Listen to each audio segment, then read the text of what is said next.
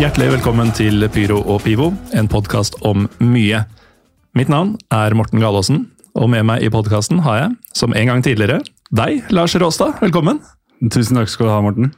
Um, Du er litt av en lifesaver i dag, det skal vi komme tilbake til. Men det aller viktigste først. Åssen uttaler man korrekt det redskapet man brukte for å få internett til å funke på tidlig 2000-tall, hvis man ikke hadde ISDN eller kabel? Modem. Modem? Ja. Hæ? Nå overraska du meg faktisk. Hva- jeg hva jeg trodde det skulle være modem. Modem? Med dobbel D. altså jeg, det er modem. Det er det alle sier. Så det var veldig overraskende og skuffende uh, å høre den episoden du hadde med Tor Christian, Tor Christian Karlsen. Ja. Uh, der du presterte å si uh, modem. Jeg er litt usikker på hva som skjedde der. Men er det, er det det du alltid har sagt? Modem? Nei, nei, nei. Det er jo lett å skylde på at det var mye styr rundt oss. For de som ikke vet det, så sikter jo Lars da til forrige episode, hvor uh, Tor Christian Karlsen og jeg spilte inn fra en vinbar i Tbilisi. uh, Som jeg har skjønt at det uttales etter hvert. Um, hvor da jeg da kom i skade for å si modem, og med det skuffa et helt folk, spesielt deg, da, som skapte furore på Twitter. Ja, jeg lot det ikke forbigå i stillhet. Nei, og du har jo etter hvert fått en liten hær av følgere. Som, eh, altså Mange følger deg fordi du er programleder i LSK-podkasten Harde mottak. Harde mottak, om du vil. Eh, Men jeg tror nesten, altså ikke like mange, men jeg tipper sånn, en ganske høy prosent av lytterne dine følger deg for språk. Ja, eh, vi har jo i denne språkspalten eh, som dukker opp med jevne mellomrom i, i harde mottak. Mm. Den er, det er litt sånn på vei ut. Lenge siden vi hadde den spalten sist. Det er jo altså ikke en spalte, men noe som dukker opp mer Ja. Eh, når det passer seg. Men det var jo veldig avvæpna av deg å ta på en måte selvironi-inngangen, istedenfor å bare sette i gang, og så kunne jeg ta, ta deg på det litt sånn eh, Ja, men jeg var nødt til å konfrontere dette her, fordi det er um, Vi skal snakke litt om 16. mai etterpå også. Det er mens vi sitter her fem dager til. Og jeg må vite at jeg er velkommen på Åråsen og i Lillestrøm og på Romerike etter den fadesen, eh, eller faddesen, eh, i Tbilisi. Men uh, Altså fadese skal du få lov til å si. Ok. Det er faen ikke greit å vite lenger, altså. Um, årvåkne lyttere har sikkert uh, lagt merke til navnet ditt, fordi du har vært med her en gang før. Uh, tilbake i episode 205, uh, som er en av de kanskje mest overraskende sånn semivirale episodene vi har hatt om fotballkonservatisme. Da fikk vi et par eh, tilbakemeldinger. Én var at vi høres visstnok ganske like ut, um, i hvert fall tidvis, i stemmen. Eh, Så det kan by på problemer for lytterne å vite hvem som er hvem iblant. Eh, Den andre var jo at um, faen for et geni.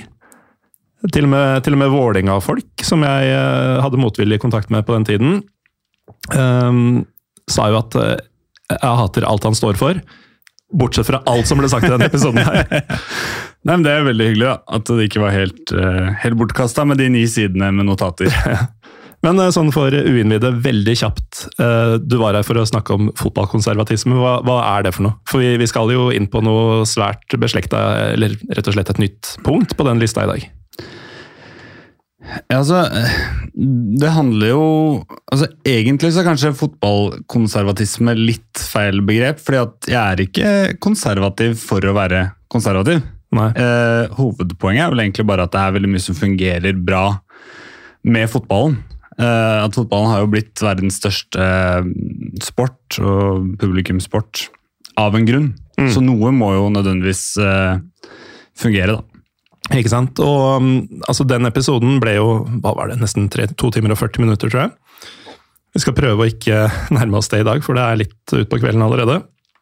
Men den um, Altså, frøet til den episoden ble jo planta av at du hadde en tråd på Twitter Mm. eh, om eh, alle disse tinga som norsk fotball føler at de må endre på, tilsynelatende for å endre på ting. eh, og hvorfor alle de ideene var dårlige, da. Um, som jo var en Det var vel, apropos gå viralt, eh, det var vel det mest virale du har vært på internett? eller? Ja, det var, eh, det var høyt, oppe, høyt oppe der. Mm. Det var det som Mariel Myklebust kaller for en rant. Ja. Det er ikke en rant, men en rant. ja. Det er sånn han uttaler det. Ja, ja. Ja. Eh, han har noen, altså igjen, Det blir kanskje litt internt for lyttere, men uh, Arild Myklebust er faktisk en dobbel Pyro Pivo-gjest. Han var med i den andre episoden noensinne. Var det Tyskland? Det var uh, episoden som heter ror og Argentina. Tror jeg. Eh, tok, tenkte at begge to kan vi ta på 35 minutter, som episodene var i de dager. Eh, og så var det med litt seinere, jeg også det var første sesong, så episode noen og 20, om eh, svenske tilstander. Da han prata om at samfunnet i Sverige er mye hardere enn i Norge, som en av årsakene til at tribunekulturen der også er drøyere. Men um, Arild Myklebust er jo uansett um, Han er jo en LSK-fan, som blir naturlig referanse for oss som begge holder med fugla. Uh, pioner i Supporter-Norge, egentlig. Var med å stifte Kanarifansen. Har uh, ja, Det var jo nesten en væpna revolusjon for å få han ut fra styret i sin tid. Han ville jo sitte der til han dør, hvis han hadde ja, uh, fått lov til det. Men uh, han har noen herlige uttalevarianter av ting som han åpenbart bare har lest og aldri hørt noen si. For jeg var på en um, Apropos ror, jeg var i ror med Arild Myklebust en gang, i 2010. Det er ganske sjukt. Det var ganske sjukt. Gjett om vi havna på Siam cocktailbar i Düsseldorf. ja. Det, Mange ganger. Det, det regner jeg nesten med. Ja.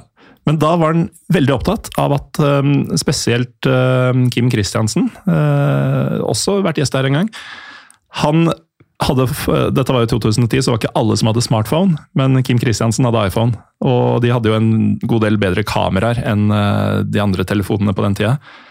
Um, så derfor var det viktig at Kim Kristiansen måtte forevige store deler av turen. Så det er sånn Ordet forevige, det, han skjønte ikke at det var det Nei, ordet var. det- Og at en rant er en rant, det, det er også fint. Men vi spiller inn ordinær episode 227 eh, Nei, det gjør vi ikke. 228 av Pyro og Pivo. Og igjen, Lars, eh, for andre gang i ditt eh, etter hvert ganske lange liv, eh, er det en Twitter-tråd fra deg som fører til en episode med deg. Hva er det du er forbanna for nå? Nei, det er jo den omlegginga som NFF varsler at de ønsker å gjøre av norske cupen, eller Norgesmesterskapet i fotball. da. Mm. De ønsker å revitalisere cupen. Um, og vurderer da å legge om cupen permanent allerede i 2024. Nå syns jeg det går fort til helvete med norsk fotball. altså. De Ja. prata så vidt om VAR for et år siden, og plutselig er det klart at det skal inn neste sesong. Ja, eh, altså, Sånn jeg har forstått det, så ønsker de jo da å egentlig bare beholde det sånn som det er nå. Mm.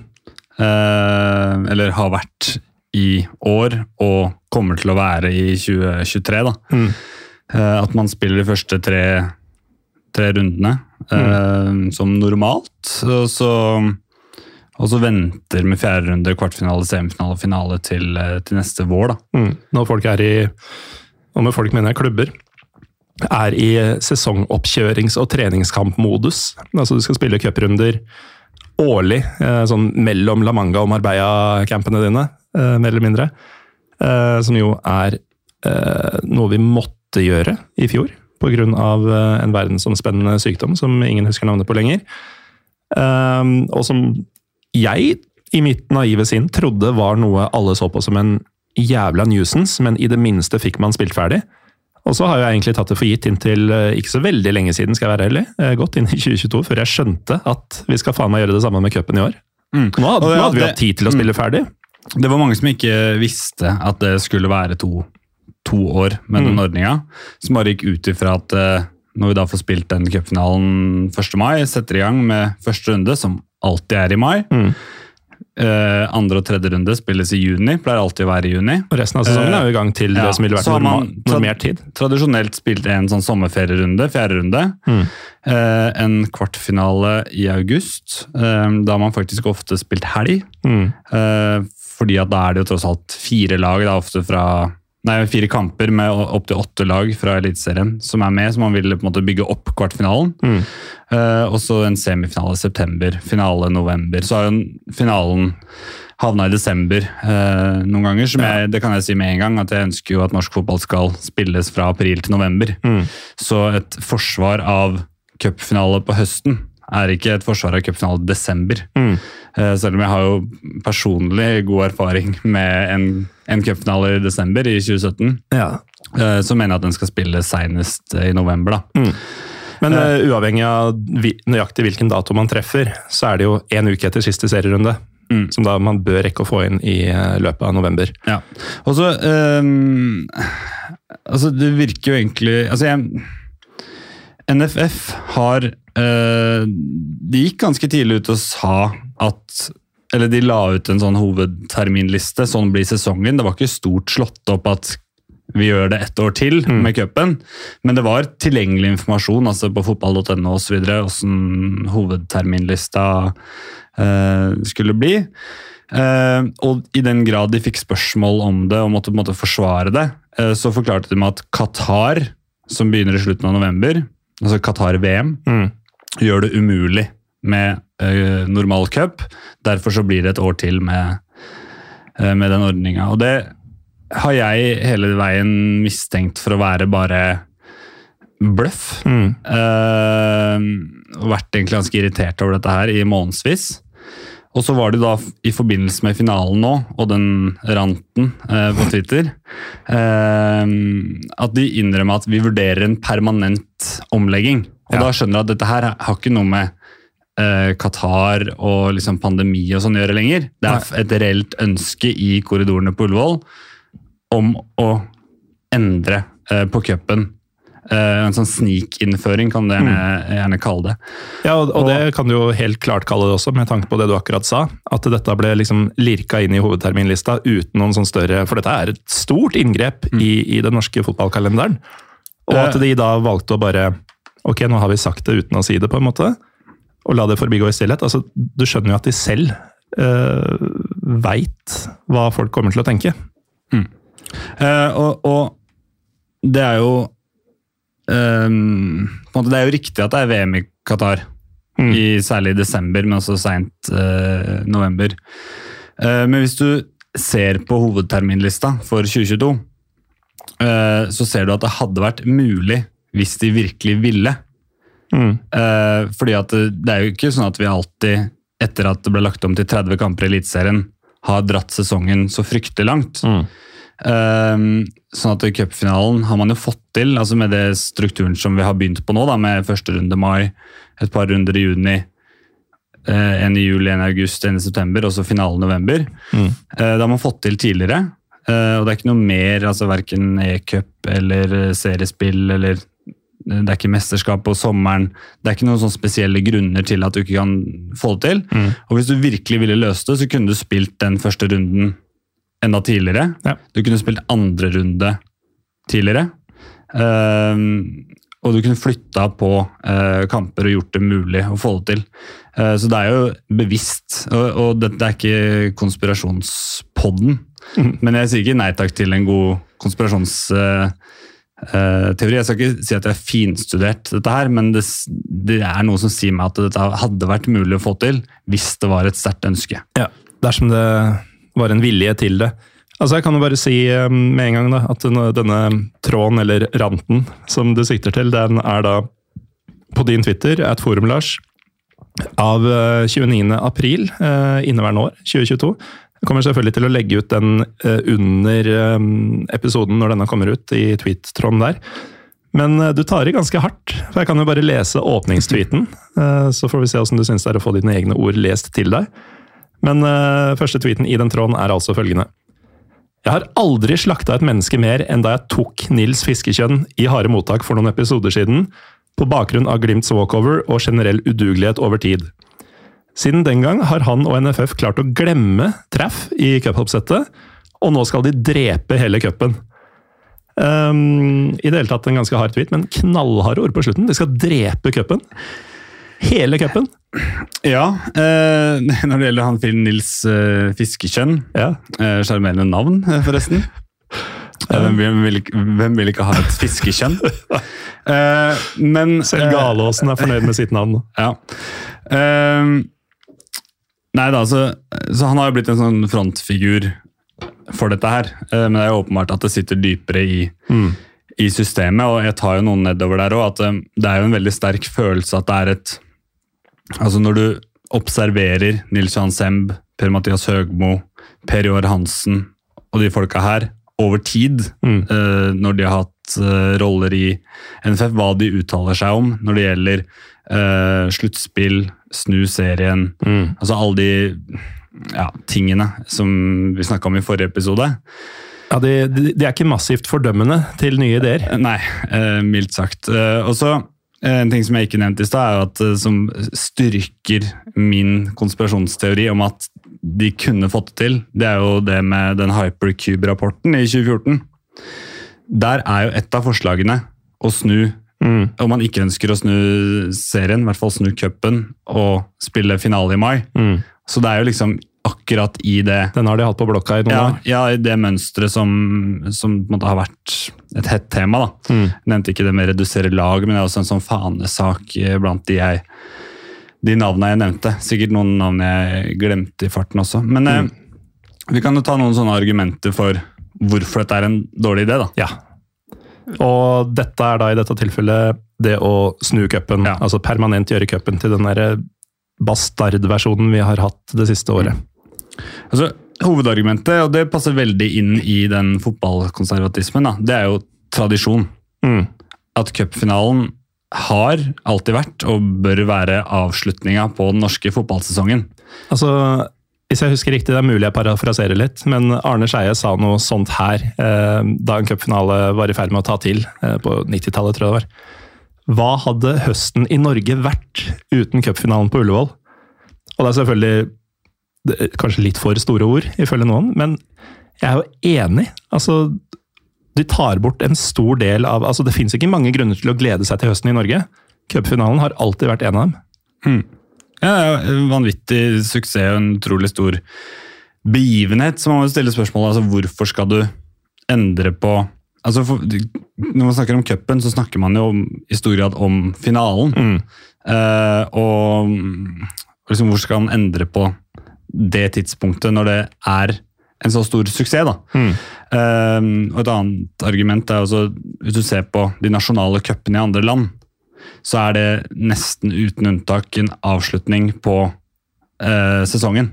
Mm. Eh, så selvfølgelig, man sammenligner seg ofte med Sverige, hvor man også har noe lignende. Eh, men det er et unntak. Eh, og vi er jo veldig anglofile i Norge.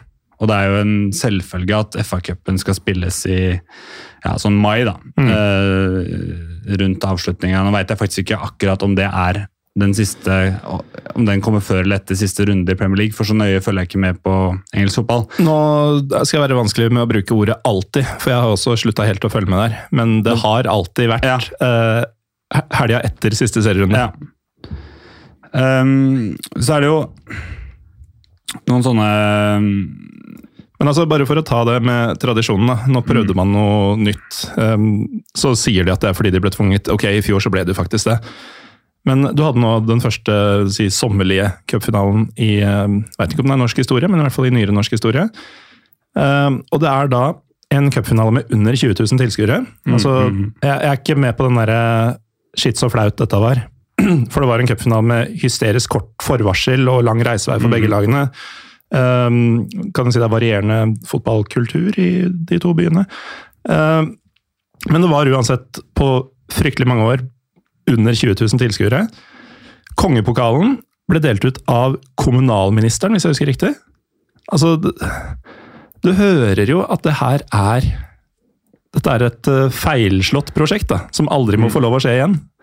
Ja, fordi det hadde jo vært vanskeligere for oss å sitte her nå hvis det var en kjempesuksess. Mm. Men det var det jo beviselig ikke, på noen som helst måte. Ehm, og så nevner du det med mai, da. eh, at, og det har blitt brukt som argument. Eh, Finalen blir bedre når det er bedre vær. Mm. Og jeg er egentlig enig i at det er bedre å gå på fotballkamp når det er varmt, enn når det er kaldt. Men Eh, det må ikke være for varmt. Nei, nei for det, det er litt sånn eh, Mykle Altså Arild Myklebust-argumentasjon. Uh, at det må ikke være for kaldt, men det er enda verre. Uh, at, altså Sola i trynet, det er absolutt verste Mm. eh, Myklebust veit. Og det er en sånn måte han argumenterer på, for det er jo også den andre klassikeren, som er at på derby så må folk eh, ikke være for drita, Mm. men heller ikke for edru. Det er enda verre. Ja, dette har du faktisk faktisk ja, sagt. så det er en, en balansegang. Promillenivå, temperatur. Det er å finne en gylne middelvei. Ja. Men uansett, eh, eh, greia er at, som sagt, finalen er jo en suksess. Til tross for at det ofte har vært mellom 0 og 8 grader da, på Ja. sånn historisk. Uh, så uh, det er jo ikke finalen som trengs å gjøres noe med. Det er jo alle de andre rundene.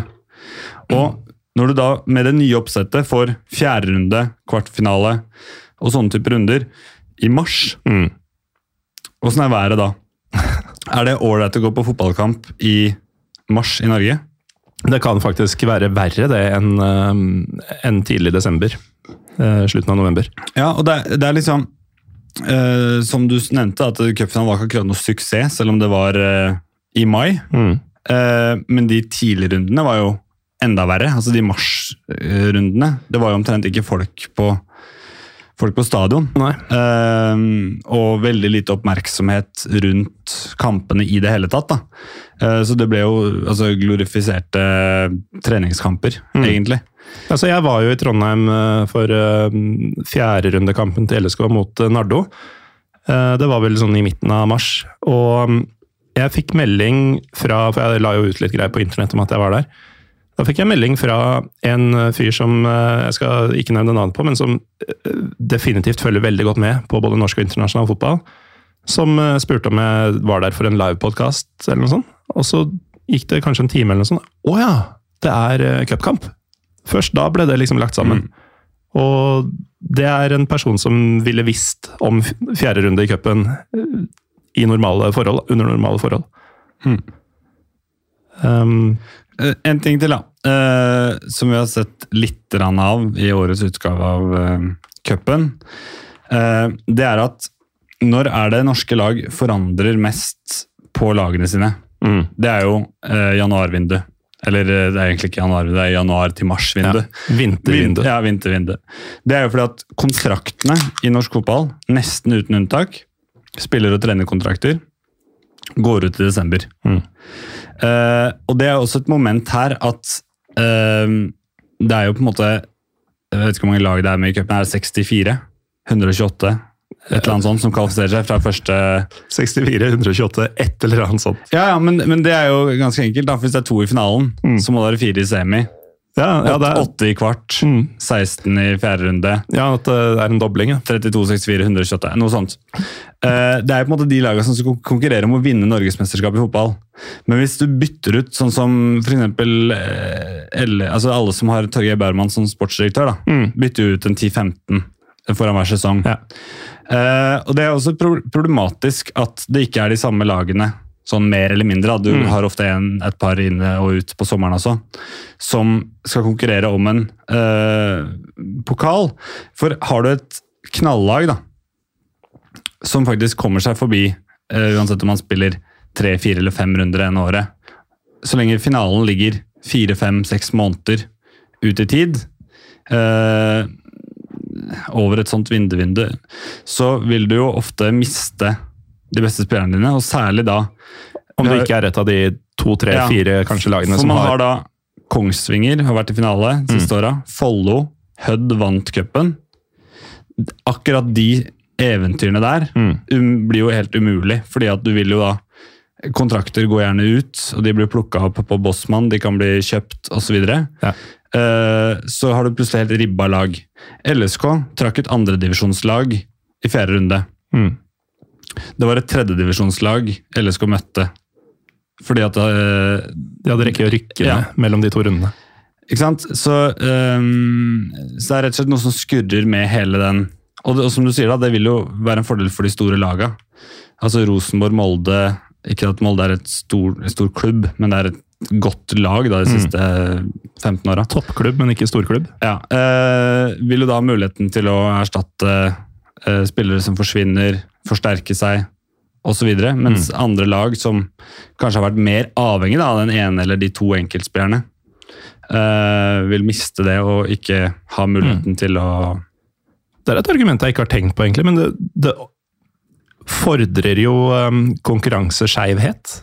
Ja, og du skal jo generelt sett ikke ha for langt opphold i en sammenhengende konkurranse, Mm. som prinsipp. Ikke sant? Det er det er et av hovedargumentene mot å gjøre, ha en sånn dansk variant i Norge. Mm. Det er at det, hvis, hvis vi skulle begynt serien i juli-august og spilt ut november, og så hatt pause i desember, januar, februar, og så begynt igjen ikke sant? Så ville den største pausen vært midt i sesongen. Ja. Den største pausen skal jo være mellom sesongene. Mm. Ikke sant? I, I Tyskland de har ikke en måned sommerferie, altså tre måneder vinterferie. Ikke sant? Så, så, så det er jo problematisk å dele opp en konkurranse. At du skal spille tre runder. Altså, det er jo helt ekstremt nå. Da. Altså, hvis, hvis det blir kvartfinale i mars neste år, Mm. så er det tredje runde i juni 2022. Og så skal det da gå juli, august, september, oktober, november, desember, januar, februar. Åtte måneder til fjerde runde. Mm. Det er jo absurd. Eh, så, så det er bare noe som skurrer så vanvittig med det. Så kommer du da sikkert til å legge de rundene litt seinere på året, hvis det blir en permanent omlegging. Mm. Eh, men det Ja, det er eh, Det er i hvert fall et motargument. da. Så er det det Europa-argumentet, Ja. som, er- som går ut på at du får et lag som kan gå rett i gang med Europa etter å ha vunnet cupen. Mm. Uh, og det er faktisk Det er kanskje det beste argumentet. Ja, det er et reelt argument. Mm. Uh, og så kan du jo si at det relativt ofte Uh, med den nye ordninga altså Før så var det jo sånn at tapende cupfinalist uh, kunne få Europacup. Uh, hvis eh, vinneren kom topp tre i serien. Nå er den borte. Mm. Uh, og det vil skje relativt ofte at eh, det samme laget som eh, vinner cupen, også havner topp tre i serien Mm. sånn som skjedde nå, og at er fjerdeplass for Europa. Da faller det argumentet bort igjen. Fordi at den fjerde Ja, ikke Det er sant? sant. Eh, så det er et sånt ja, det er kanskje 50 av Jeg vet ikke hvor ofte topp tre har vunnet cupen, men det er jo ganske ofte. Ja. Kanskje halvparten av gangene, da. Mm. Så ja, la oss bare forholde oss til det. Så det er Ja. 50 sjanse for at det Ja. argumentet bortfaller. Ja. Eh, ho, altså, ja, det er egentlig et ganske godt argument. Eh, men tilbake til en av mine fanesaker. Jeg tror jeg nevnte litt forrige gang jeg var gjest hos deg, Morten. Eh, Du nevnte det alt du tenkte på eh, forrige gang. Ja, det er at norsk fotball for meg handler ikke om at norske lag skal gjøre det bra i Europa, Mm. at landslaget skal bli bedre, at vi skal få flere spillere i gode ligaer. Alle de der positive bivirkningene. Mm. De er jeg egentlig ikke så opptatt av, fordi jeg er opptatt av at Eliteserien har en egenverdi. Norgesmesterskapet i fotball har en egenverdi. Mm. Da vi sto på Ullevål i 2017 og hadde vunnet cupen, så var det For det første så hadde ingen av oss noe som helst trua på at vi noen gang skulle få oppleve at Lillesund Sportsklubb vant en tittel igjen. Mhm. Det var jo det som var stort. Ja. Og så er det selvfølgelig, det ligger litt sånn i bakhodet, du tenker på det dagene etter og sånn, og fy faen, nå blir det Europa. Men det er jo det å vinne den norske cupen som er første. stort. Ja, Ja, ja, men det, det må være litt halslyder. Det er du som står for serveringa her. ja. Men uh, halslyder er aldri så tydelige på Pyro Pivo som når du er med. Det Nei, synes jeg er fint. kanskje jeg har helt spesielle eh, halslyder. Eh, eller ta Eliteserien. Eh, jeg ble født i 1990. Forrige seriegullet til eh, LSK var i 1989. Mm. Sannsynligvis så får jeg aldri oppleve at Lillestrøm vinner et seriegull. Nei, nei, det får du ikke. Men om det skulle skje, da, så er det jo det seriegullet som vil gjøre at jeg stormer banen og er oppløst i tårer, gledestårer. Mm. Det er ikke at eh, yes, vi er kvalifisert til Champions League-kvalifisering. Nei, Det, det ligger eh, veldig langt i bakhodet. Mm. Mens for NFF så virker det som det på en måte er Det er det du hovedargumentet. Ja. da. Du vinner ikke Eliteserien, du vinner muligheten til å kvalifisere deg til Champions League. Mm. Ikke sant? Og, så det handler litt om hvilke mål er det du har, hva er det du jobber for. Ikke sant? At uh, Norsk topp- toppfotball, NFF, snakker om å gjøre norsk fotball bedre. Mm. Og så er, er da den definisjonen av bedre er hvordan Norge, altså Eliteserien rangeres av europeiske ligaer. Mm. Og så landslaget og et par andre sånne ting. Uh, mens for deg og meg så er jo kvaliteten på norsk fotball handler veldig lite om det. Men det handler veldig mye om hvor mye folk er det på kampene. Ja. Uh, hvor gode er stadionanleggene? Mm.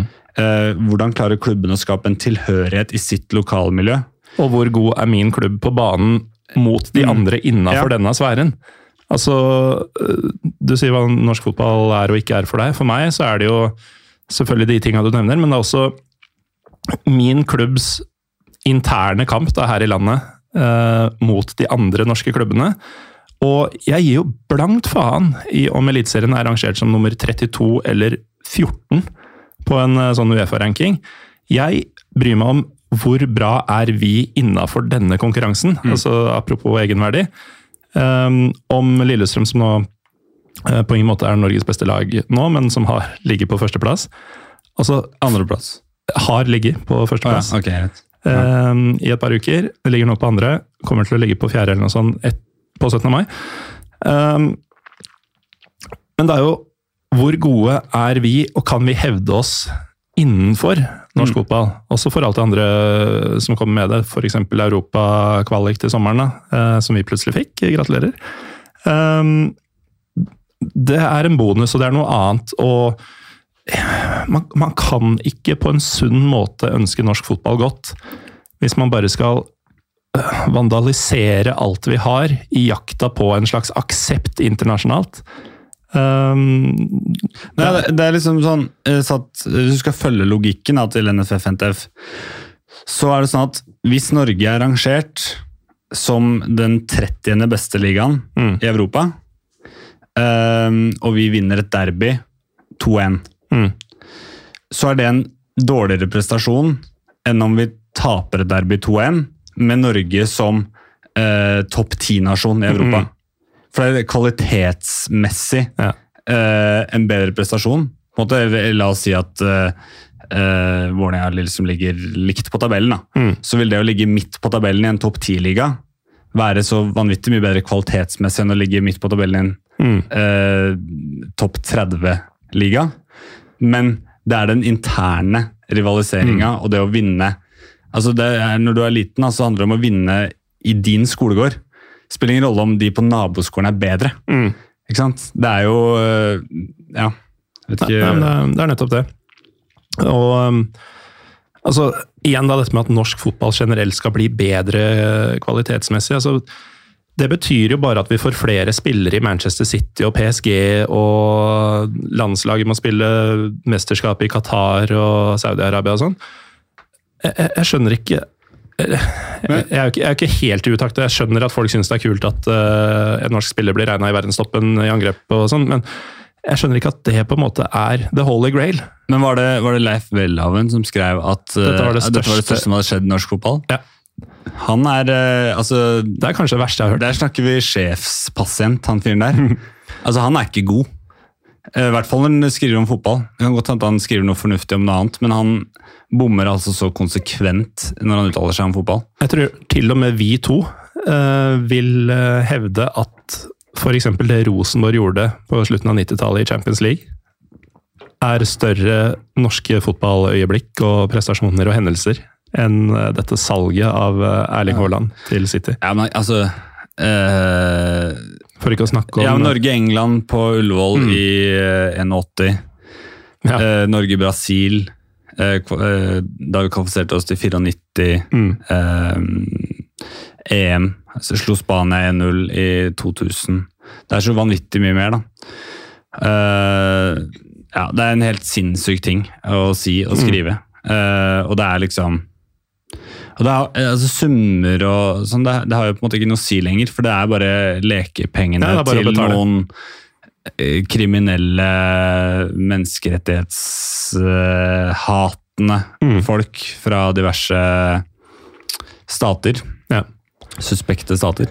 Og dette har jo på en måte blitt en slags sånn motvekt til vårt ønske, da.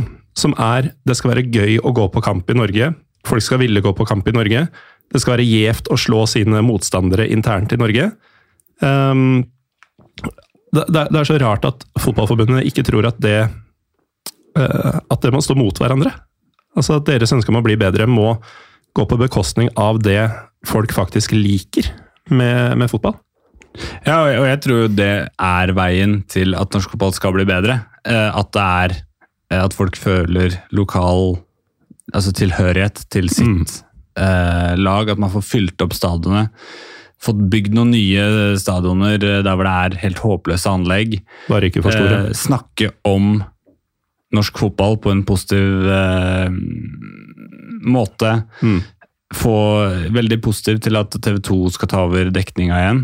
Eh, for de har jo bidratt veldig til den derre ekstreme Premier League-hypen i Norge. De var veldig flinke sist de hadde Eliteserien. Det er viktig å få eh, norsk fotball eh, i altså, hva heter det, riksdekkende TV-kanaler. da. Gjør det kult igjen. Ja, at det, det, som kommer på tv2.no og TV2-nyhetene, og bare åpner den TV2-appen nå Jeg får helt jeg fikk får et sjokk jeg, når jeg ser at det står noe om norsk fotball på de øverste ti sakene.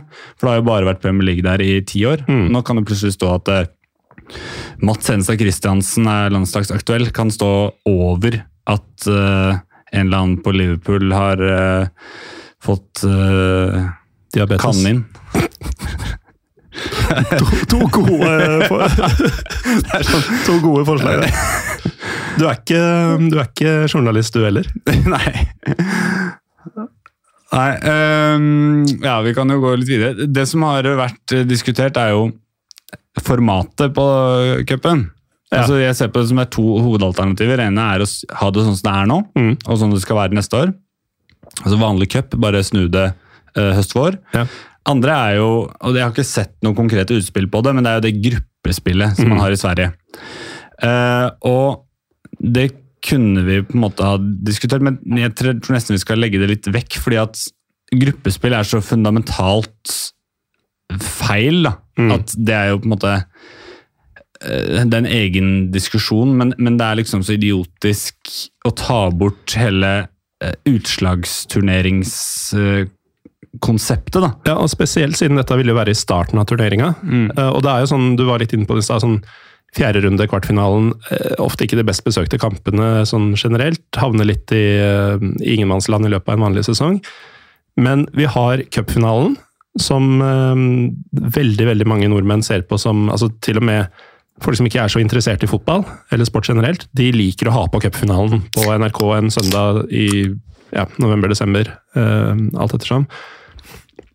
Og så har vi da det andre høydepunktet i cupen, er første til dels andre runde, hvor disse mikroklubbene får sitt lokale storlag på besøk, og det blir folkefest eh, på et sted som vanligvis har 15 mann på sidelinja, uh, hvorav halvparten er uh, kjærestene til spillerne, ehm, til å sette inn provisoriske tribuner og snekre en ny kiosk fordi nå kommer eh, vikinghordene på besøk for første gang på 38 år. Altså Det vil de ta, ta bort, da.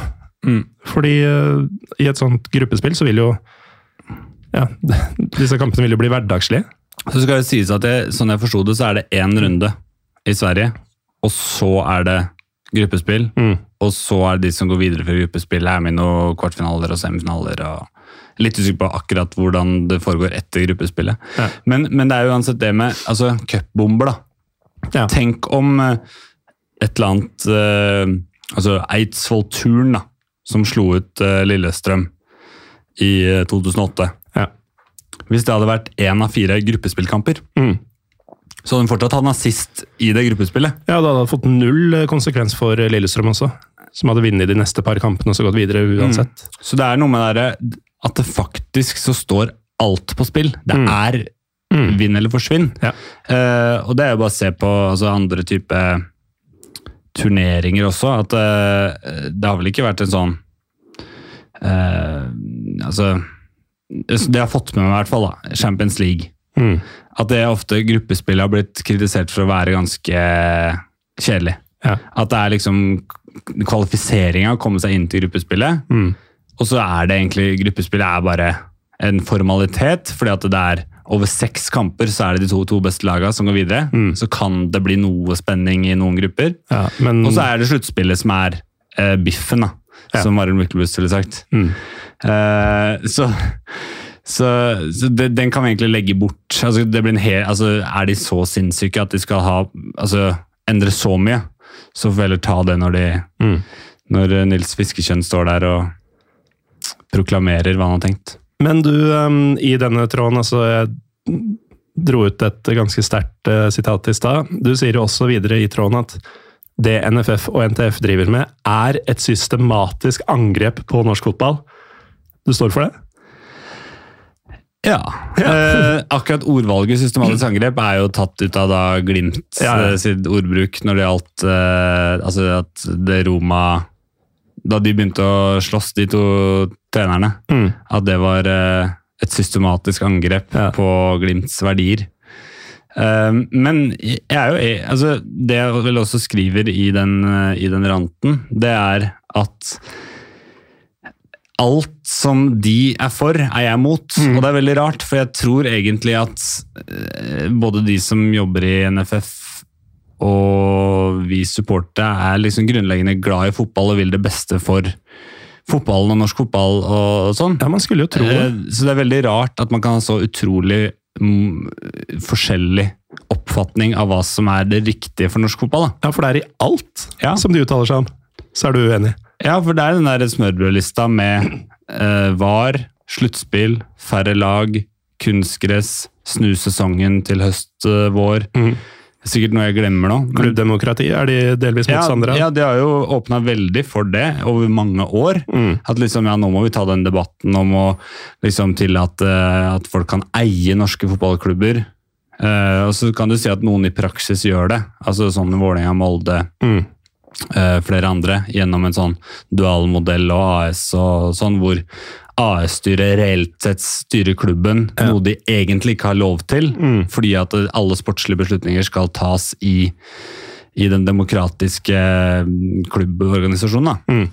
Uh, men så sitter det noen folk med penger og sier at enten så får vi vilja vår, eller så stikker vi pengene. Det har vi, mm. vi har også opplevd en sånn takeover av vår Ja. klubb. eh, etter akkurat samme prinsipp, at Per Berg eide AS-et og sa at enten så blir det sånn, eller så stikker jeg med pengene mine. Mm. Og, og, og vi har jo lidd nok, føler vi, da. Men, eh, og nå veit jeg ikke helt detaljene i den, eh, eh, den avtalen den gang, men altså Lyn f.eks. med Brynestad, de slutta jo praksis å eksistere som, eh, om ikke klubb, så i hvert fall som toppklubb. Eh, Og har jo ikke hatt sjans til å komme seg på beina siden, så det kan gå ordentlig, ordentlig gærent. eh, Hvis man lar eh, disse kreftene få for mye spillerom, som det virker å være altfor stor aksept for. Men du sier jo også, og dette er siste gang jeg siterer deg fra den tråden Nå må vi Det går bra. Nå må vi som følger norske klubber legge bort fiendskapet og jobbe sammen mot denne kreftsvulsten i gangene på Ullevål. Lars Råstad, hvordan kan eh, vi som følger norske klubber jobbe sammen mot denne kreftsvulsten i gangene på Ullevål? Hva, hva må man gjøre? Nei, altså øh, det, Man kan begynne med å melde seg inn i sin lokale klubb, eller lag man holder med. da. Trenger ikke å være lokalt, for så vidt. men fordi at klubbdemokratiet eksisterer hvis man vil at det skal eksistere. I alle norske klubber, også de med AS. Ja. Fordi at øh, man kan helt fint vedta ting øh, på tvers av det AS-et ønsker. Man kan velge inn et styre som ikke nødvendigvis er enig med AS-styret osv. Men øh, ja øh, Andre ting. Altså man må jo bruke stemmen sin, om det er leserinnlegg eller Twitter eller podkaster. Norske klubber er så små at det er ikke noe problem å prate med folk heller. Mm. Eh, vil jeg tro, stort sett. At hvis du går på en eh, Kristiansund-trening, så går det sikkert an å få er sikkert noen i styret som sitter på tribunen, og du kan skravle og utveksle meninger. Ja. I hvert fall sånn i, i Lillestrøm at hvis du møter opp på en trening, så er det fullt mulig å få slått av en prat med sportsdirektør eller styremedlemmer eller hva det skulle være. Så, så, så det å vise for omverdenen hva du står for, da, om Mm. det er gjennom en stemmeseddel på et årsmøte eller et leserinnlegg, podkast, eller bare prate med folk, det Ja, det, det er mange muligheter. Mm. Men det starter jo med å engasjere seg eh, mer eller mindre ikke- formelt da, i klubben man er glad i. Ikke ta det for gitt at kampen er tapt. Mm. Nei, og um, som du sier, altså, norske klubber er små. Um, som betyr at du trenger ikke å være mer enn en sånn større kompisgjeng som mobiliserer noen i miljøet rundt. så har du gjennomslag for ganske mm, sterke forslag da, på, på årsmøter. Som gjør at klubben er tvunget til å følge det dere har bestemt. Som f.eks. Ja, nå er det for seint, men mot VAR, mot kunstgress, mot Qatar. Eh, sånne ting som det er ferske eksempler på. At eh, klubbene har blitt fortalt av sine medlemmer at dere jobber på vår nåde, og dere skal jobbe for dette her. Det er fullt mulig å få inn i både altså store klubber som Brann og Rosenborg, og mindre klubber som Ålesund og hva det nå heter, alle sammen. Odd. Eh, Et annet argument da, som har dukka opp, er det med altså, konkurransekamper i oppkjøringa. Eh, Som egentlig altså, forlenge sesongen. Da. Eh, hvis du vil forlenge sesongen, så er det egentlig den eneste måten du kan gjøre det på, er å starte serien tidligere. Mm.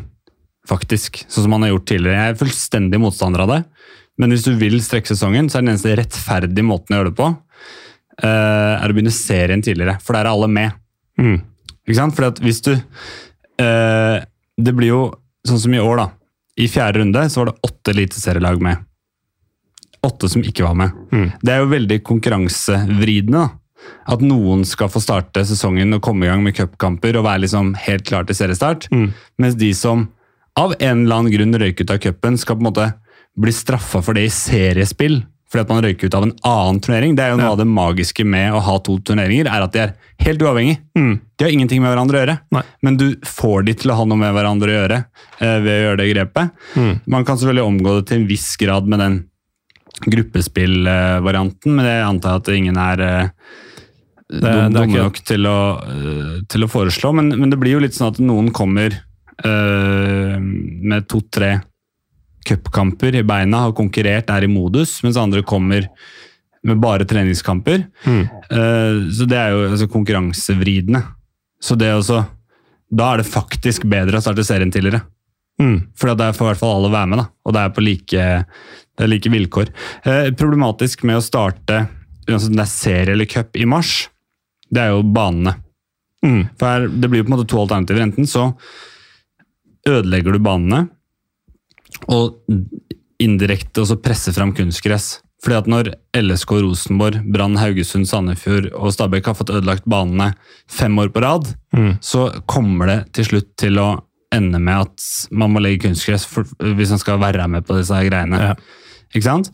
Eh, alternativet er sånn som i Sverige, jeg har forstått da på cupen, at du har en åpning for å bruke andre baner. Men det er jo enda verre i det, for vi har allerede vært innom at ingen vil jo gå på disse kampene i, i mars uansett, fordi det er kaldt og jævlig og sånn. Men hvis LSK skal spille på Strømmen stadion, Jessheim stadion eller LSK-hallen, Mm. hva gjør det med cupens status? Ikke sant? Ikke sant? Vi har jo snakka om at ja, første andre runde, semifinale og finale, fungerer fint. Det er de kampene i midten som ikke fungerer. Mm. Så vi skal, det alternativet vil jo da medføre at eh, LSK mot ja, et eller annet eh, lag da, som de møter i en kvartfinale eller fjerde runde, skal spille mot hverandre på Strømmen stadion foran 819 tilskuere. Mm. Snakk om å drepe den midtdelen som trenger det løftet. da. Ja. En kamp som ellers, en kvartfinale, går gjerne litt etter sånn skolestart i august. da. Eh, hvor ofte det egentlig er litt god eh, kok i, i norsk fotball. Har kommet i gang etter sommeren. Mm. Eh, jeg ser liksom en, jeg ser ikke en god løsning for den baneproblematikken med kamper i mars. Eh, uansett hva du velger, og kjenner jeg NFF rett. Altså, det finnes jo ikke noe mer rigid? Uansett, Det er nesten så du ikke får lov til å bytte stadion selv om du bygger ny. Ja. Ikke sant? Eh, fordi at du skal ha samme stadion i alle kamper. Ikke sant? Så Det er ikke sånn at LSK kvinner kan be om å få spille en kamp på Åråsen i serien. Nei. Eh, og Det viste jo tydelig med Brann eh, kvinner, eller hva det heter. da. Mm. At der hadde jo Vålerenga juridisk sett rett. I å, selv om det er, jo, det er jo helt idiotisk å nekte å spille på gress foran 15 000 tilskuere. Og liksom ville spille på en jalla kunstgressstadion som tar 1000 tilskuere. eller hva det er. Eh, men det er liksom så rigid er NFF. da. Mm. Eh, og Man husker også det fra Royal League. At det var jo utgangspunktet sånn at eh, man ikke ville bruke Valhall og eh, alternative stadion. Man skulle bruke Så man spilte jo nærmest på sand på Lerkendal, for, eksempel, ikke for, for enhver pris. Eh, så jeg ser ikke den derre eh, muligheten egentlig for å flytte kampene bort, og det blir bare en enda mer jalla utgave av, eh, av cupen. Mm.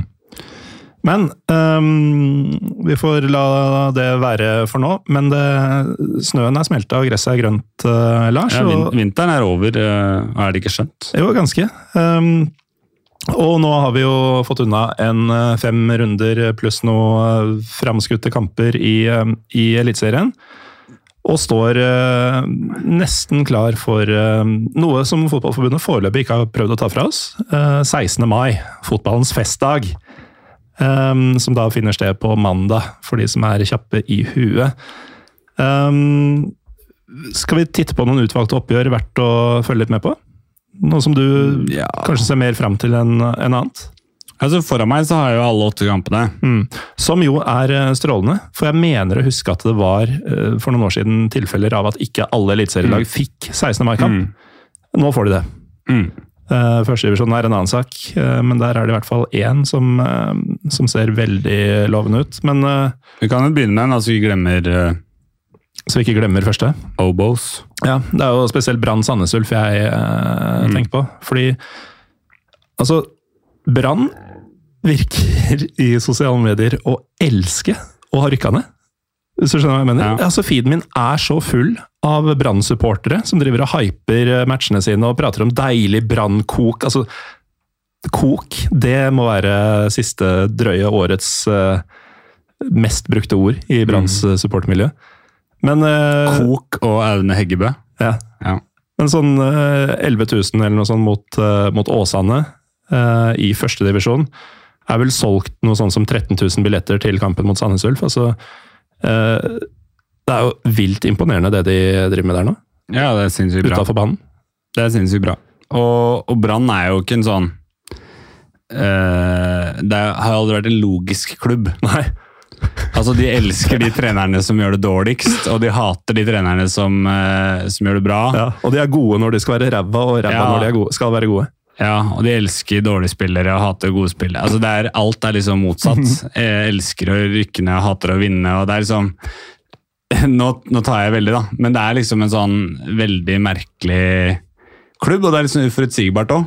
For Mm. du kan ikke se på tabellen og så eh, se at Brann ligger på andreplass i Eliteserien, og så konkludere med at ja, nå er, nå er det bra trøkk, liksom. Ja, da kan det være at treneren må Sliter gå med å få folk på stadion. ja, og så kan det være liksom Obos-liga og Trenger ikke gjøre det sånn dødsbra i Obos-ligaen heller, Nei. Eh, men det Ja, for det gjør de jo ikke. Nei, det har starta helt ordinært. ja, det skal liksom, da skal det kjøres på. Nei. Nei, så de er, de er veldig rare. De har så mye rart for seg, og det handler liksom ikke alltid om Det handler lite om resultater. Mm. Det handler om personligheter, spillestil. Eh, Det er et veldig sånn romantisk folkeslag som har veldig høye tanker om seg selv Mm. og sin egen klubb. og og det er veldig fint da, på sitt, sitt vis. At de er så utrolig lite jordnære. på en måte. At det er liksom eh, Obos med Brann er større enn Eliteserien og sånn. Det er jo sånn, det er så eh, Det er jo utrolig eh, dumt og na naivt, på en måte. Eh, men de tror liksom på det, da. Mm. Eh, og det er liksom Du må jo bare elske det. Ja, ja det, det er jo utsolgt eh, nesten stadion eh, på ja, Det blir nå opptil flere hjemmekamper helt til starten av sesongen. Og det er jo en toppkamp også. Sandnes Ulf eh, ligger på plassen foran dem. Så uslåelig ut helt til de fikk grisehjuling i, i forrige match. Så det er jo en toppkamp sportslig, i den grad man kan snakke om toppkamper på, i ligaen vi to egentlig ikke skal nevne. Um, og så har de også, helt siden faktisk disse marsjkampene i cupen, hatt strålende bortefølge også. Så det er et eller annet i, i regnvannet i, i Bergen. Så den, eh, den blir fin, men det er jo også full runde i Eliteserien. Og det er jo et par såkalte Darbys, skal vi ta det med en gang? Altså, Jeg tenker du på Ålesund Molde? for eksempel. For da kan vi ta en liten sånn språkspalte. La oss eh, det. om i. Og det er jo at jeg har jo kampen alfabetisk her. Ut ifra VG Live sin alfabetiske rekkefølge. Åh, og den gjør deg rasende, Ja, det kan du se, for jeg har samme foran meg. Da er jo Ålesund Molde først. Ja. Uh, men den skal jo være nederst. Hvorfor? Det er fordi um, Og her er jeg uenig med regelverket, men regelverket sier uansett at uh, dobbel A skal regnes som Å, uh, og følgelig skulle Ålesund-Molde vært sist, ifølge alfabetet. Det er korrekt. Ja, men eh, altså, Ålesund har jo Altså, Tradisjonelt, skal jeg si, da, etter at de rykka opp, uh, først på Kråmyra og så på ny stadion eh, Det har vært det laget i eh, fotballfylket Møre og Romsdal som har hatt best kultur. Ja, ja. Uten tvil. Og, og de hadde jo flere sesonger med utsolgt på egentlig alle kamper Mm. eh, på Color Line. Og så Altså, all, alle nyheter mister liksom eh, nyhetsverdien, da. Eh, og det at eh, Ålesund hadde et eliteserielag i fotball, det mista jo sin nyhetsverdi, og tilskuertallene falt, og visste at stadion kanskje var for stor, og Mm. Ja, eh, alt det der. Eh, og gikk dårlig sportslig. Jeg føler at det er litt sånn på vei tilbake nå. At en, et par turer ned i Obos har gjort det litt mer, liksom, mer optimisme der. Eh, Man føler ting igjen. ja, Stormen var vel egentlig helt ok noen sesonger for sånn 15 år siden. Ja, I Eh, hvert fall på oppmøte. Ja, ikke sant, i antall. Og Mm. det var, du kan si at ja, de hadde stjålet alle sangene. Det var ikke sånn at de hadde stjålet 80% av sangene, eh, men han hadde studert alle sangene. Absolutt. Eh, Rubbel og bit. og liksom teksten rett av og, eh, og sånne ting. Så det er jo ikke, det er ikke noe ultraskultur eh, på Color Line, eh, så vidt jeg veit. Mm. I hvert fall ikke sånn tradisjonelt. Eh, så det, men det blir sikkert et fint sånn publikumsoppgjør. Eh, sikkert noen tilreisende fra Molde osv. Men der kan vi også snakke om ganske sånn stusslig supporterkultur, og det, det tror jeg Mm. de skjønner sjøl òg. Molde? Ja, Mm. de veit det, liksom. Eh, at det er ganske dårlig. Ja, og all ære til de få som jeg veit fins, som prøver å, å bringe noe på bordet der. Men eh, der tror jeg man jobber hardt i motbakke. Ja, altså. altså, Den mest sannsynlige i det supportermiljøet siste 15 år er vel Eva-Britt eh, Mauseth. Mm. Og eh, vi har nevnt Arild Myklebust tidligere, så kanskje er den mest sånn eh, synlige LSK-supporteren. Ja. Eh, at de har nok et litt ulikt syn på eh, supporterkultur. Det tror jeg vi kan det si. kan godt være. Ja. Eh, Og det gjenspeiler seg i hvordan Tornekrattet ser ut, og hvordan Kanarifansen ser ut. Ja, det er godt sagt. Um, et annet såkalt derby er uh, lagene med sånn 60 pluss mils reisevei mot hverandre. Uh, er det slaget om Nord-Norge mediene har prøvd å kalle det? Glimt Ja, det Tromsø? er det jo eh, for så vidt, da.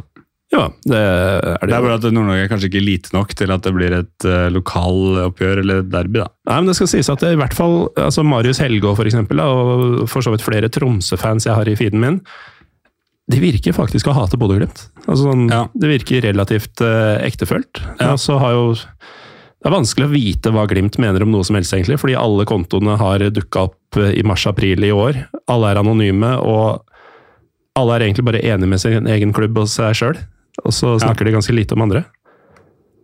Ja, nei, altså, Da Bodø-Glimt først, da, så regner jeg med at de kan være i nærheten i hvert fall, av å fylle Ja, og eh, stadion. Jeg har Eh, sett at um, de, det, det dukker opp også gjennom retweets og sånn, litt sånn oppdateringer på billettsalget der. De har gjort det på en ganske kul måte, noe Molde spesielt kunne lært av.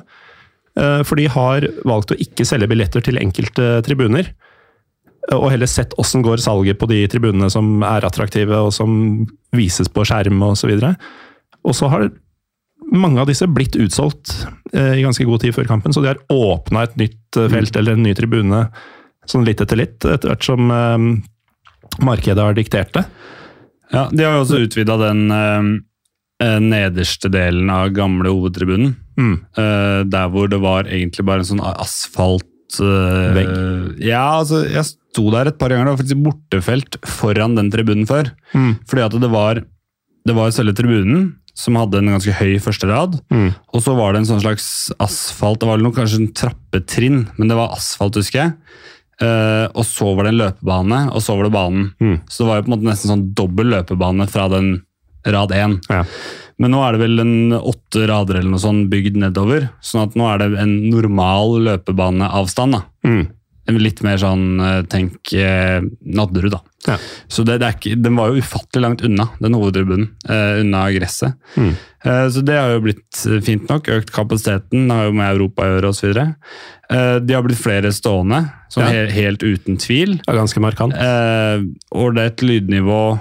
Eh, det som jeg, jeg syns er litt kult, er at de på en måte De tør i hvert fall å være seg sjøl. Mhm. altså det, det er på en måte noe med at mange klubber blir veldig like. Uh, i sangvalg, melodier Ja. osv. Men det at de har det der Halvdan Sivertsen-låten og sånn, så kan du si at de, du kan like det eller ikke like det, men de har i hvert fall et særpreg. da. Mm. Uh, og de får med jævlig mange på eh, derre 'Hver gang vi møtes' så Jeg kan ikke disse låtene, men Nei, for du er kanskje den gjesten i løpet av 228 episoder nå som har minst interesse av musikk. ja, det stemmer. Eh, og så Problemet i Bodø er jo liksom at de er så supporterfiendtlige. da. Ikke sant? At de Mm. utestenger noen av de mest ivrige for liksom sånn bagatellmessige ting. da. Ja, Altså- og, og der er du definitivt inne på det som jeg nevnte i stad, at eh, alle disse nye Twitter-supporterne er jo enig med seg sjøl og enig med klubben. Eh, For altså det er åpenbart motbakke å jobbe for eh, hva skal vi si, en litt eh, mer utagerende tribunekultur i Molde. Er ikke greit i Bodø heller, altså. Å prøve å få til noe. Og jeg tror det beste for Bodø-Glimt sånn på tribunen har vært å bevare så litt sånn Halvdan-låter. Mm. Eh, tørska Tårsand og det greiene der, men på en måte omfavna litt nye ting. da. Altså mer sånn, kall det gjerne ultraskultur, men i hvert fall noe mer eller, noe som er litt mindre siderumpa da, enn den Ja. der klassiske nordlendingen. At du ikke nødvendigvis skal i fengsel for et eh, bluss som du har full kontroll over. Mm. Når det gjelder Tromsø, eh, veldig på vei opp, har jeg inntrykk av. Men det, var jo, er sånn, det er lettere å ha framgang når du starter på null. Mm. Eh, beklager til Marius Helgå. Men der, jeg vet ikke om Det var vel to grupper en periode, og så har de samla seg, står sammen. Det er noe Forsa Tromsø, og Ja. jeg tror de har organisert det bedre, at de er flere. At det er litt mer trøkk, men det er jo på en måte noe altså Du må jo på en måte sammenligne deg med deg sjøl og så se på utvikling. Mm. Og det har jo vært, virker som det har gått framover. Uh, nå blir jo ikke det et kjempestort tema i den kampen her, fordi at eh, hvor mange kommer dem? Mm. Og hvis de kommer, så kommer de til å stå i fire grader og sidelengs regn. Så de får jo ikke ut noe lyd. eh, altså det er jo et patetisk bortefelt på Mm. Aspmyra. Jeg mener at eh, sånne Verre enn noensinne ja, men i år. Hvis du kommer fra altså, så forblåste, håpløse steder, så har du et særskilt ansvar for å ha tak på alle tribuner. Mm. Det er sant. Eh, og særlig bortefeltet. Eh, at det er liksom Det er ikke helt krise nødvendigvis at Start Dersom Start valgte å ikke ha tak på bortefeltet, Mm. men Tromsø, Bodø, Kristiansund osv. må jo ha tak på bortefeltet. Det er jo liksom pisse på bortesupportere, og ikke altså, bokstavelig talt, på en måte. Altså, Mm. det blir i hvert fall våt. Eh, Du blir våt av å være bortesupporter på, på Aspmyra. ja. Kristiansund-Godset, skal vi gå nedover? Jeg tror ikke vi trenger å ta alt. um, Nei, nei, klokka Klokka er i ferd med å tikke også, men jeg Ja. registrerer jo at for andre runde på rad så har HamKam hovedkampen i Eliteserien. Ja. Det var ganske utrolig forrige runde da du hadde to krystallklare toppoppgjør. Og HamKam Ålesund ble, ble hovedkampen, som selvfølgelig ble 0-0. Nå skal de mot Vålinga på uh, stadionet til Vålinga Mm. i Oslo. Uh, og så er det jo faktisk sånn, uh, Lars Råstad, at rundens toppkamp den finner sted på Åråsen. ja. Bare, For en verden vi lever ja, i. skal jeg bare kommentere kjapt på Kristiansund? Jeg synes Det er litt digg at de har, har opplevd publikumssvikt nå. Du syns det er digg? Ja. Egentlig ikke sånn på vegne av eh, Eliteserien generelt osv. Ja, for det går litt i Men- strid med det du sa Ja. tidlig. Eh, men, men det er noe med at liksom de har vært veldig sånn høye på seg sjøl. Mm. Se åssen vi gjør det ja, her. det er litt sånn derre eh, beste stemninga i Norge og sånn. Og det er sånn Problemet til nordmenn er ofte at de klarer ikke å uh, skryte av seg sjøl eller noe som skjer, uten å på en måte overdrive. Ja, uten at det blir ja, det kan være dritbra stemning på en Kristiansund-kamp, men det er ikke beste stemninga i Norge. Ikke sant? Og det er alltid sånn hvis, eh, hvis eh, en eller annen norsk idrettsutøver gjør noe, da. Så er det liksom ja, Hvordan vil du rangere dette her opp imot Mm. uh, Norge-Brasil? altså sånn, det kan ja, eh, det kan jo være jævlig bra, selv om det ikke er det beste som har skjedd. Eller at den utøveren er det beste eller det beste laget. eller sånn. Mm. Altså Kristiansund kan være fornøyd med seg sjøl uten å liksom skulle dra seg opp til at den stemninga er eh, best i Norge. Så nå har de fått litt sånn, eh, for første gang da, på, i klubbens eksistens, fått Ja. litt motgang. Mm. Uh, men vi er jo opptatt av 16. mai. Vi vil at 16. mai-runden skal være vellykka, så vi håper at du fyller mot godset. Ja. Uh, men slutt å si at det har uh, Norges beste stemning. En stadion som garantert, vil jeg si, eller garantert blir full, er den i Stavanger. Ja. For eh, hvis ikke altså så bra Viking, eh, altså tilskuertall Viking har hatt så langt i sesongen, etter det de opplevde i Molde nå, og de får Jerv, så de, de er nesten garantert en hjemmeseier, Ja, den må fylles, altså. Ja det, det er ganske stusslig hvis de ikke gjør det, faktisk. Det er sykt å si. Ja. For Jo, det men er det om jo 16 igjen- 000 mennesker, Ja, men men igjen, hvis man sammenligner med seg sjøl, så er det sammenligna med det de har gjort tidligere i år, så bør det være eh, ikke bare mulig, men nesten forventa at det blir fullt. Ja. Der er jo, så snakker, Jeg håper jo selvfølgelig det blir, blir utsolgt på alle kamper, egentlig. Eh, der, Jeg syns også kanskje Viking har litt det problemet som nevnte med Kristiansund. At det er, nå, er, nå er det veldig mye sånn i media og uttalelser at liksom er Norges beste fans og sånn. Eh, det som har skjedd i Stavanger, er at du har gått fra verst verst til bra. Ja. Ikke sant? Og Det oppleves som en enorm framgang, og de har gjort en fantastisk jobb. De som er i supportermiljøet, klubben som legger til rette, eh, pyrovennlig, de har fått utvida tribuneseksjoner, jobber sammen. Det er så kanonbra mye som skjer da i, i Stavanger. Kanonbra mye som skjer. Det er mye bra som skjer. Mye kanonbra som skjer. ja. Eh, men det blir liksom tullete å altså Hvis du setter opp en desibelmåler da, foran felt O, Mm. og så gjør du det samme foran eh, la oss si, klanen på Intility, da. Så er det Det går jo ikke an å sammenligne. Det er jo snakk om eh, 3000 versus 500, på en måte. Eller 800, eller hva det er på Vikingstadion. Så det er, liksom, det er dødsbra det de har fått til, og de kommer bare til å, hvis de fortsetter sånn, de kommer til å vokse. De kommer til å rekruttere unge folk som kan bygge opp en eh, kultur over flere år. Eh, nye sanger, utvide feltet kanskje enda en gang. eh, utvikle seg på TIFO. eh, de er allerede bra på borteoppmøte. Det, det er så mye bra da, som man kan bygge videre på uten å liksom skryte for mye av seg sjøl. Så det blir sikkert en kul kamp. Jeg tenker at Stavanger 16. mai Det spiller ingen rolle at det er mot et største lag. Det er nesten bare øker bare optimismen rundt eh, mulig resultat. Ikke sant. Um, ja, så det er, det er mye å se fram til eh, til 16. mai. Kanskje dumt spørsmål, Lars, men hva ser du mest fram til på 16. mai? Uh, Lillestrøm-Sarpsborg. Nei, er det sant? Eh, det meldes jo om at Sarpsborg kan bli så mye som ni busser. Ja. Eh, de har solgt sju. Eh, satt opp to til. Gratis busser. Så det blir mye folk. Mm. Eh, derfra. Et sted mellom kanskje 700, kanskje oppimot 1000. Mm. Uh, som er et ster- sterkt bidrag. Det har blitt solgt så mye billetter. eller om det nærmer seg en ja, 6500, eller Jeg har ikke tallet helt uh, foran meg, Ja. men noe i den duren. Uh, LSK-fansen har begynt året bra. Det har vært lite folk på stadion, men uh, Feltet har vært et- veldig bra. ja, det har vært et, et, Når det har vært rundt sånn 5000 på de første kampene, Mm. så har det vært 1000 pluss stående. Ja. Uh, 20% av total publikumsmengde, da. Ja. Og det har vært eh, det som Brann-supporterne ville kalt herlig kok. Ja, uh, og det er jo også sånn at uh, sittesupportere ved siden av Kanarifeltet også bidrar ganske bra. da. Eh, Så det er jo mange tidligere stående som sitter rundt på Åråsen, så, så, så prestasjonen ut ifra antall er, eh, er bra. Men LSK har selvfølgelig masse å jobbe med når det gjelder å liksom fylle stadion. Generelle tilskuere. Ja, og også når det først er plass til 1800 på Kanarifeltet, så er jo 1000 er jo bare litt over halvfullt. Mm. Selv om det har hatt en følelse av at det har vært bra fylt, da. Men det er jo det er plass til mange. Det er plass på, til mange. på den tribunen, for å si det sånn.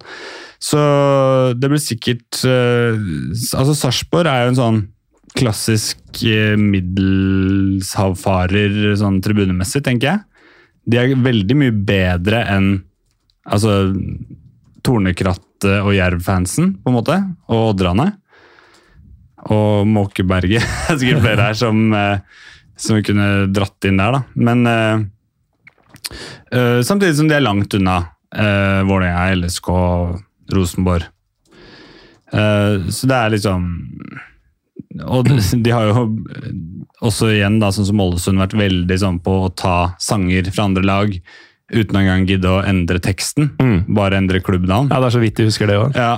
eh, men uh, men Sarpsborg er jo idrettsby, da. Ikke sant? Hockeyby, blitt en fotballby De har jo på en måte sin kultur, da. Mm. Det, er sånn, det som er fascinerende, er jo sånn Østfold-kulturen. At hvis noen setter opp noen busser, Da så tar man ja, den at den kan være liksom, Den kan sikkert være 119 på Åråsen, men hvis det blir liksom i lokalavisa at nå er det busser og nå skal det mobiliseres, da blir det en 1000. Ja. Og sånn var det alltid med Fredrikstad. Mm. Eh, Fredrikstad kunne det ene året være 300 på Ullevål. Så kunne året etter være 4000. For at eh, vi eh, skulle sette rekord i antall busser. Ja. Sånn, nå, er, nå er det 110 busser, og da, da skal jeg være med, liksom. Ja, Uh, jeg skal være på en av de bussene. ja, at det er litt sånn rare Ja, men de er jævla rare. Er Rare Folk fra Østfold. Uh, Alle som ja. Og Haugesund bare hoppe over. Rosenborg-Sandefjord. Det har vel vært veldig bra salg på kjernenfeltet. Mm. Eh, det er vel utsolgt. er utsolgt, ja. Ja. Og Kjernen har jo egentlig fra å være en sånn eh, altså, lattervekkende liten gjeng De tok jo på en måte veien som Viking er på nå, på tribunen. Den tok de for mm, 17 år siden, eller noe sånt. Ja, så egentlig helt til de flytta på seg. Mm. Så lenge de sto nedre der, Mm. så var de ganske latterlig dårlige. De ble kanskje litt bedre på slutten. Eh, men da de, var, da de vant 13 strake seriegull, og sånn, så var jo egentlig kjernen en litt sånn vits i, Mm. i Fotball-Norge, Ja. sånn supportkulturmessig, og så har de vokst. Jeg tror, jeg tror første gang jeg var imponert av Rosenborg-supportere noen gang, var vel eh, en slags sånn seriefinale i 2006 mot Brann. Mm. Da hadde de et sinnssykt bra bortefelt der, da. Og så vokste de på den flyttinga og hadde noen år hvor de kanskje var faktisk best i Norge, i hvert Ja. fall topp to-tre. Mm. Eh, og så har det dalt litt da i takt med resultater, og de er nok ikke liksom på, på maksen sin, men, men de er jo stabilt god leverandør av tribunekultur, da, for å si det på den måten. Uh, Sandefjord kommer helt sikkert ikke med noen ting, så det er jo Rosenborg som må dra den. Ja. Den kampen blir all Rosenborg. Ja, altså, så På tribunen. Jeg er ikke sikker på om det blir på banen. Nei, da så er Vålerenga-HamKam siste. Mm. Det er faktisk en ganske interessant kamp. Jeg vet at Vålerenga mobiliserer veldig på sin supportertribune. Jeg tror HamKam gjør det samme. Ja, eh, de uh, Vålerenga kjører vel en sånn at alle som har sesongkort på ståtribunen, kan ta med seg en venn, Mm. eller noe sånt. Mm. Ehm, så det er godt mulig at de fyller den, og det er jo den største supportertribunen i Norge. Mm. Så hvis du fyller den, så skal det jo godt gjøres at det blir dårlig stemning. Største og riktigst bygd. Ja, Altså med, de har jo tetta lufthull og Ja. sånn for å, at lyden ikke skal forsvinne. Det er bratt. Ja. Eh, Det er um, til og med det TIFO-opphenget. Altså det, er, det er en bra tribune der, altså. Og selv om den har vært halvfull så langt i sesongen, så har jo trøkket vært bra. Akustikken. Eh, absolutt. Og, og problemet til Vålerenga er jo å dra folk altså generelt. Mm. Du kan jo si Relativt sett så er det jo ganske mange, selv om den der tribunen bak mål er halvfull. Så er det jo verre stilt andre steder på stadion. Mm. Det har jo vært problemet til Vålerenga egentlig alle år, er å trekke som hva skal jeg si, vanlig sittepublikummere. Ja. For det var jo en periode da vi dro til Ullevål, at de hadde liksom 8000 stående. Og så 3000 sittende, liksom. Ja. Uh, ja, men Det var en sånn spesiell greie. Og, Mm. Så det derre det, det er noe litt sånn rart med Vålerenga og det å trekke sittefolk da, Mm. til stadion. Uh, så, men ja, det får de, eh, Det får de finne ut av. Uh, men det hadde jo vært bra for norsk fotball i hvert fall, da, hvis de kunne kommet i hvert fall over 10 000 på den kampen. Mm. Mulig de har solgt noe sånt allerede. Og de kommer til å få enorm drahjelp fra HamKam. Ja. Eh, HamKam Og det er også en slags klassiker i norsk fotball. Altså Ja. den, den har, har røtter over i norsk, hockeyverdenen. ja, norsk idrett. Uh, ja, altså det har, husker i gamle dager da, da HamKam var eh, relativt fast i Eliteserien også. Jeg mener å huske det var litt sånn trøbbel når de besøkte hverandre og sånn. Ja. Uh, uten at det er det vi skal oppfordre til, da. men det er, det er følelser i sving når, Ja. når bøndene kommer til byen og byen kommer til bøndene. Og HamKam er liksom øh, Opplever en sånn sånn ærlig kultur. Mm. At det er liksom ikke noe sånn du, du har veld, Det er veldig lite sånn Ålesund, øh, Haugesund-vibber, Mm. på en måte. Det er øh, folk som liksom eh, står opp for by og lag og, mm. og reiser seg og synger. Og det var kult i serieåpninga da vi var på Briskeby. Jeg sto ganske nærme sittetribunen til HamKam. Mm. Og der var liksom, når den tok ledelsen, så var det opp og stå og synge og, Ja. og være med på sanga.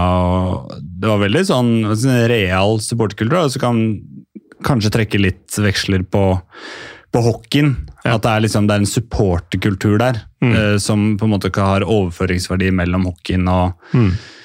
eh, og fotballen. Eh, sånn jeg tror de har organisert det, er at de har et ståfelt som de håper å fylle med 1000. Og så har de fått sittetribuner ved siden av, så de at de kan bli 1500 eller et eller annet sånt, hvis de lykkes med, med den mobiliseringa. Uh, så hvis vi får en ja, 12 000 på den kampen, så kommer det til å bli bra, bra kok fra begge sider. Da. Så det er en spennende sånn, tribunematch denne runden. Yes. Da tror jeg vi må gi oss, Lars. Ja. Men jeg eh, må faktisk uh, benytte en sjelden anledning til å reklamere for en annen podkast her. Fordi da du sa kanonbra ved et par anledninger, så fikk det meg til å tenke på en eh, episode av Historiepodden, som jeg og Jim Fosheim spilte inn for eh, et par uker siden, tror jeg. Om eh, Henry Paget. Og i den så Er du glad i sånn britisk understatement-humor og sånn? Ja, Jeg ser for meg at det er litt din type ja, det er stil. ikke helt feil. Nei. Fordi um, i slaget ved Waterloo uh, i 1815 så var det en jarl av Uxbridge som, eh, som fikk det ene beinet skutt vekk av en kanonkule. Og jeg bare klarer ikke å se det for meg. Det- det- det- Tegneserie. Ja, tegneserie, ikke sant? Ja. Um, men det, det sjuke er jo ikke det, selv om det, det, det høres dumt nok ut i seg sjøl. Um, Uxbridge, da, som er han som fikk beinet skutt av av en kanonkule, han roper da umiddelbart til, eh, til sin eh, skal vi se, hærleder, blir det vel, eh, hertugen av Wellington. By God, sir, I've lost my leg!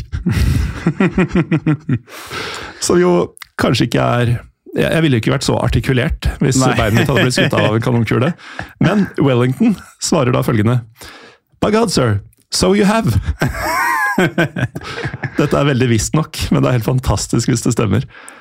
Ja, den er fin. Den er fin. Men eh, jo, hvis du skal få siste ord, så vil jeg også ha en siste kommentar. Ja. Uh, for det tok jeg vel opp i en annen tweet, tror jeg. Uh, billettprisene på cupfinalen, så vidt jeg forsto, var billigste billetten var 440 bak mål. Ja. Og det mener jeg, det er to problemer. Det ene er at så dyre billetter, da flår du de lojale supporterne som har flydd fra Bodø og Molde og brukt tusenvis av kroner på det hotell, og i tillegg skal på en måte bli avkrevd 500-700 kroner Mhm. for å se kampen. Uh, en annen ting er at hvis du skal fylle Ullevål på cupfinalen, som bør være den viktigste målsettinga Den viktigste målsettinga er ikke hvordan kan vi skvise mest mulig penger ut, men det er hvordan kan vi fylle Ullevål. Fordi det har en ekstrem egenverdi å fylle cupfinalen Ja, ja. Eh, Du skremmer jo bort nøytrale tilskuere. Jeg kunne funnet på altså jeg skal si at Akkurat Glimt og Molde har jeg relativt langt opp i halsen. Men du kunne dratt på én cupfinale. ja, men ikke hvis det koster 600 for å sitte på langsida. Eh, Som jo er eneste ja, alternativ for en nøytral. Ja, så det er jo sånn den finalen kunne vært uh, fylt. Var jo Mm. rett og slett om du hadde hatt de siste 10 000 setene, eller hva det var, 8000 setene som var tomme, Mm. med nøytrale. Og det er jo sånn, altså uh, disse finalene på eh, 50-tallet, da. Hvor det var alltid over 30 000. Ja. Og så var det alltid Frigg og Skeid og Viking og Lillestrøm og et par lag til. Det var jo ikke sånn at det var die hard fans av de to laga. Nei. Nødvendigvis. Ikke sant? Det er jo nøytrale folk ikke sant? Mm. som gikk på cupfinale. Holmenkoll, eh, både langrenn og hopp. Ja, likte å gå på sport. Ja, ikke sant? Skøyteløp på Bislett osv. De tilskuerne er ganske viktige å ha på en cupfinale. Eh, ikke når det er Hvis det hadde vært Lillestrøm-Vålerenga eller Brann Rosenborg, men når det er små lag fra små steder, da, sånn som Molde og Bodø rundt der, så må du altså Uansett, da, billettpriser generelt skal ikke være for høye. Punktum, uansett hvilken kamp det er. Uh, ja. Uh, og så, For å dra det litt tilbake til den forrige gang jeg var her, det der med action bias. Dette er jo et klassisk tilfelle av det å gjøre noe for å gjøre noe. For å forsvare at du eksisterer. Altså, Mm. Nils Fiskekjønn må forsvare at han har en jobb. Ja. Altså, Han burde jo i utgangspunktet ikke hatt noen jobb. Nei, ellers så kunne han bare gjort den jobben bra resten av tida. Ja, Så han slipper å gjøre noe for å gjøre noe. ja men det er liksom sånn at hvis du blir satt i en eller annen rolle da, i NTF, NFF osv., så, Mm. så er det så menneskelig å liksom ville gjøre en forskjell og sette et stempel og liksom se hva jeg har fått til. Mm. Men veldig ofte så er det det beste er å bare sitte, sitte i ro. Og så er det det der med konservatisme. Jeg tror kanskje jeg glemte en regelendring sist jeg var her. Ja. Fordi at Jeg prøvde å trekke frem eksempler på at jeg er ikke nødvendigvis så konservativ. Jeg er jo for forandringer som beviselig forbedrer sporten. Ja, Det tror jeg du nevnte forrige gang, men det er Ja. fint å ta med nå også. Ja, eh, og jeg nevnte noen eksempler, men eh, det som er litt så genialt, er det at nå har du lov til å ta fem meter eh, til en medspiller inni 16-meter. Ja. Først så måtte begge, altså Mm. alle spillere måtte utenfor 16-meteren, Mm. som førte til at du måtte nesten skyte lange femmetere. Det har jo nesten revolusjonert spillet på en positiv måte. At flere ønsker altså, At du har valget, da. Du Mm. kan faktisk prøve å spille det bakfra. Du kan slå langt. Eh, har egentlig gjort fotballen morsommere på et vis. da. Ja. Og, så det er jo en endring som jeg hyller. Tilbakespillsregelen, Ja. offside-regelen. Ja, Akkurat de nevnte vi sist. da. Mm. Uh, så, så det har ikke noe med å være mot alt som er nytt. Nei. Men jeg vil gjerne ha noen gode argumenter eller noen beviser på at en forandring fungerer, da, for Mm. at jeg skal kunne støtte den. Uh, Ja. For det, altså, det gjøre noe bare for å gjøre noe, det Altså det, Vi må tørre å ta debatten, som en eller annen idiot sa. Ja, det er mange idioter som sier altså. Ja, Ganske er ofte. liksom sånn der, altså, Nei, vi skal ikke ta den debatten her, for det er idiotisk. Det er et ræva forslag. Mm. Ja, det er ikke vits i å debattere. Nei. Det er heller ikke vits i å debattere noe mer her, eh, Lars. Eh, Takk til deg for at du eh, kom og har spydd masse galle over de som leder norsk fotball i fundamentalt feil retning her i Pyro Pivo. Alt en glede. Ja, nei, altså Gleden er på min side. Takk også til deg som hører på. Husk å gjøre noe. Eh, engasjer deg i klubben du er glad i. Eh, vit at dersom du og dine medsammensvorne stemmer riktig på et årsmøte, så binder du klubben til å stemme det på fotballtinget f.eks. Eh, så endring starter med deg. Jeg heter Morten Galaasen. Vi er PyroPivopod på Twitter og Instagram. Neste uke kommer jeg til å være fyllesyk under innspilling, som etter planen blir 18. mai. Da har jeg vært på todageren, for det er 16. mai-runde, og det er noe som heter 17. mai etter det. God dobbeltfeiring til dere alle. Vi høres om en ukes tid.